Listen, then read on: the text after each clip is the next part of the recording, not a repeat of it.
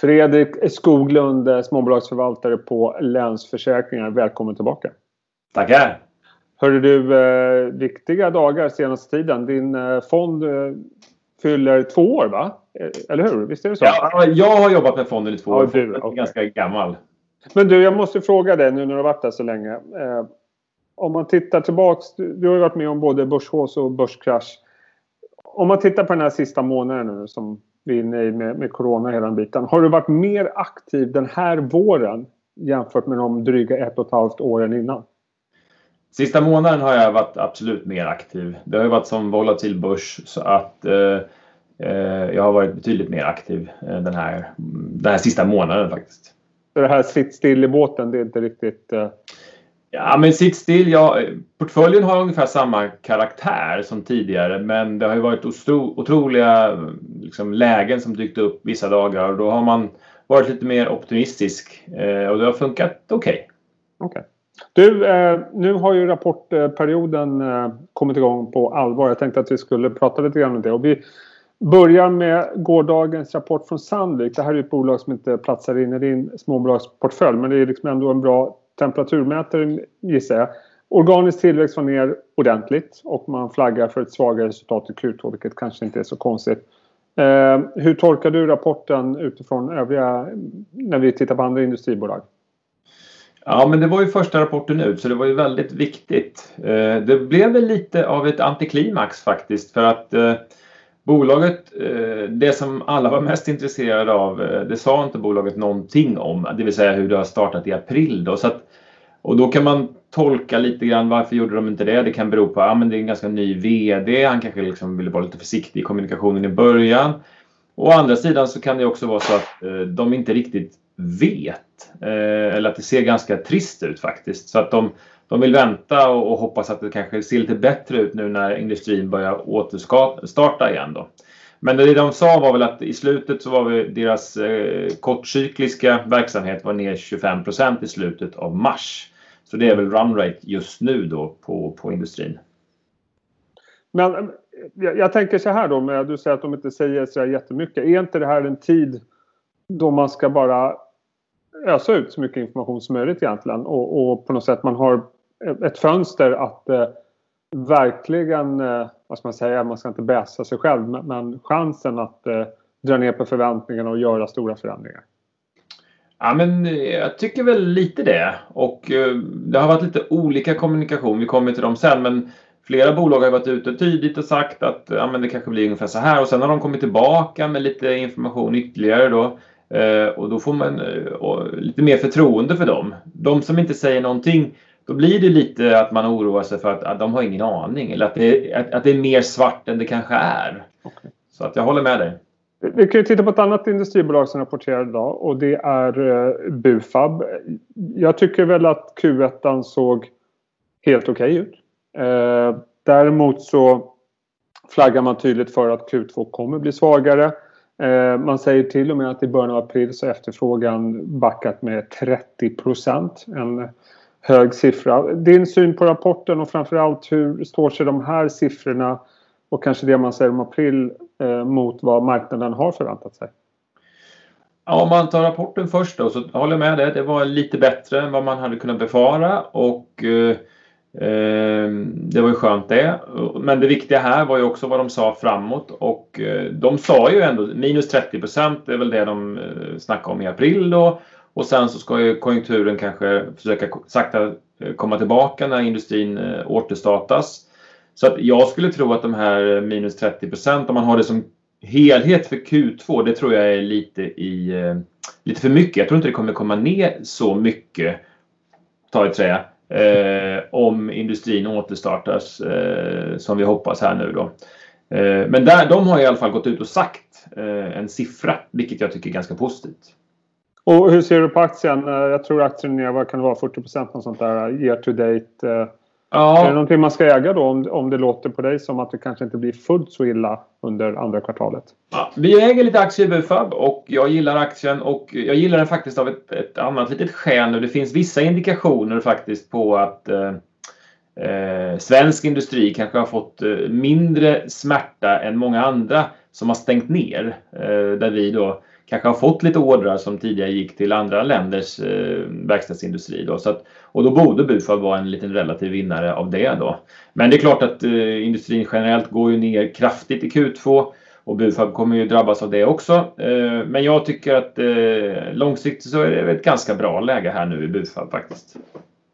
Och sen går vi över till en klassisk småbolagsförvaltarfavorit. Beijer Ref som kom in med Q1 eh, nu. Det här är intressant för Beijer Ref har ju en väldigt stor exponering mot Central och Sydeuropa där det har varit i princip total lockdown.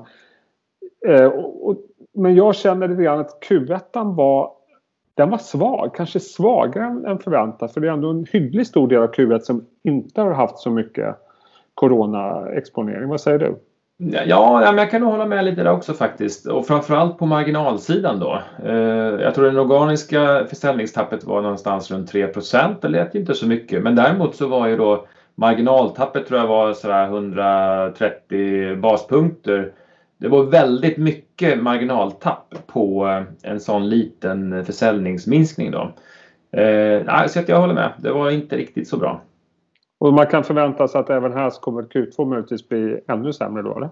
Jo, ledningen säger ju ingenting egentligen mer än att det kommer bli sämre i Q2. Vilket känns i magen inte så bra. Eh, för att eh, jag tror att eh, ja, men de har ju Å ena sidan har de livsmedelsbutiker som stora kunder. De har ventilation, aircondition som stora kunder så det kommer bli säsong nu här.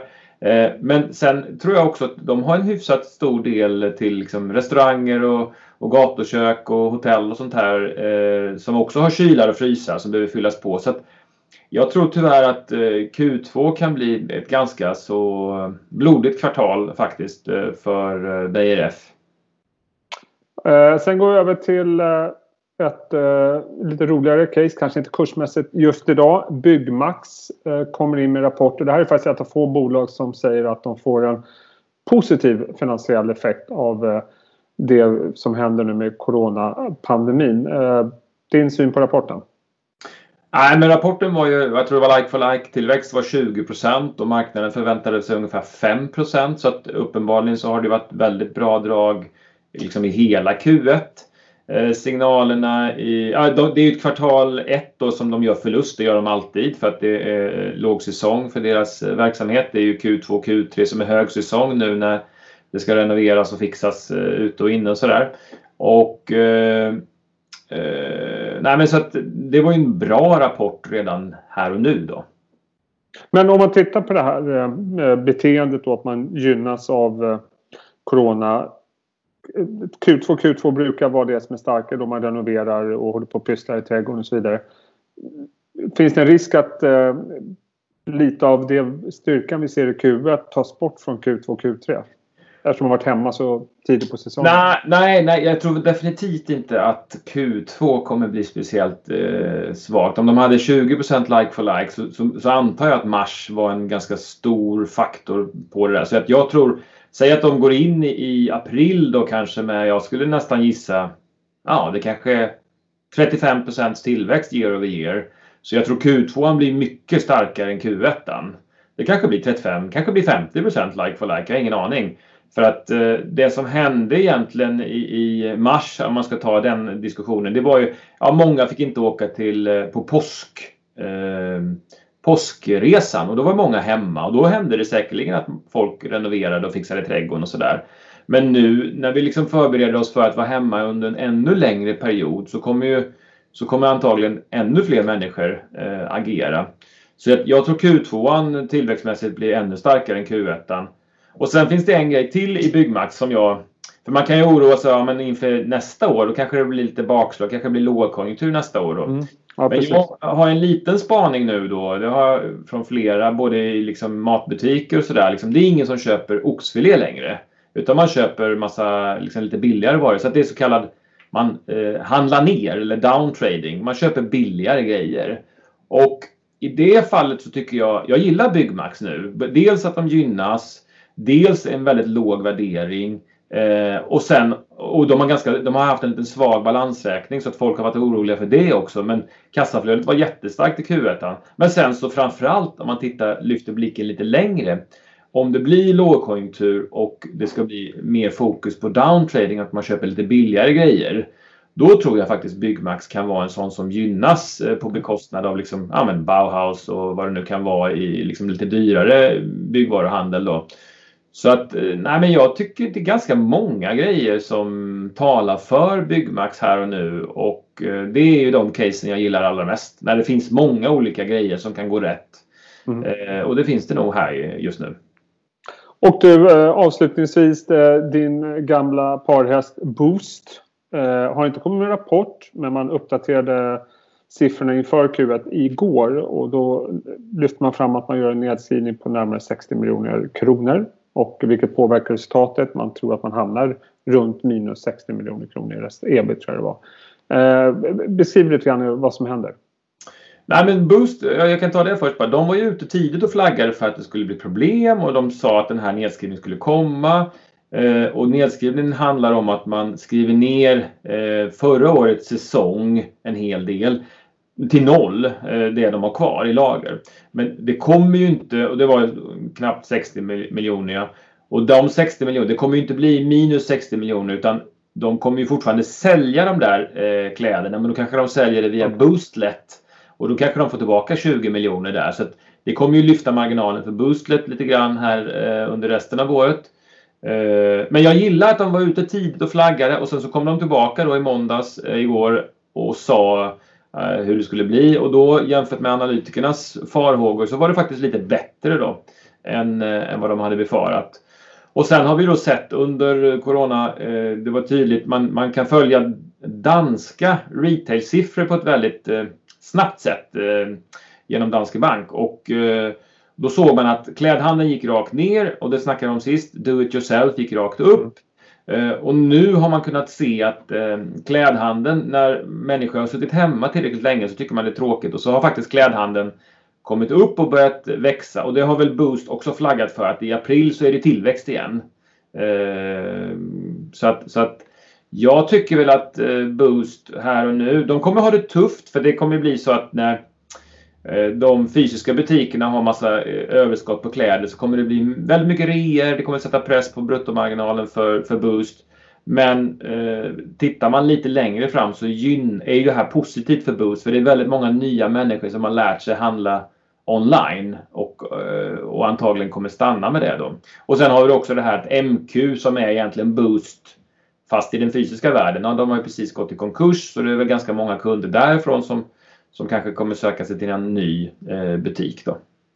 Så fortsatt positiv till uh, aktien. Den har ju klarat sig relativt bättre. Ja, ja men jag är fortsatt positiv. Men, men det är klart att det kommer ju bli tufft även för dem här nu när, när många liksom, klädbutiker ska rea ut. Så bruttomarginalen kommer, marginalen kommer komma under press. Men jag tycker ledningen i Boost har gjort allt rätt. Varit snabba ut, snabbt ta den här nedskrivningen, snabbt sälja ut innan alla andra ska sälja ut. Eh, de, de fokuserar, de har ganska bra kassaposition. De kommer, för det kommer ju vara massa varumärken som har massa kläder över. Eh, de som har sålt in till MQ, alltså deras, de varumärkesbolagen då, ja, men de behöver hitta någon annan som köper de här kläderna och då kanske Boost kan köpa det billigt och, och, och, och sälja sen då. Så att, eh, långsiktigt fortfarande positiv, kortsiktigt kommer det vara, det kommer inte vara en walk in the park direkt. Och jag är fortsatt långsiktigt positiv till dig. Eh, Samma. Fredrik Skoglund, eh, tack för att du var med och vi hörs väl snart igen. Rapportveckorna fortsätter ju. Det gör vi, det hoppas jag. Ha det bra. Hej.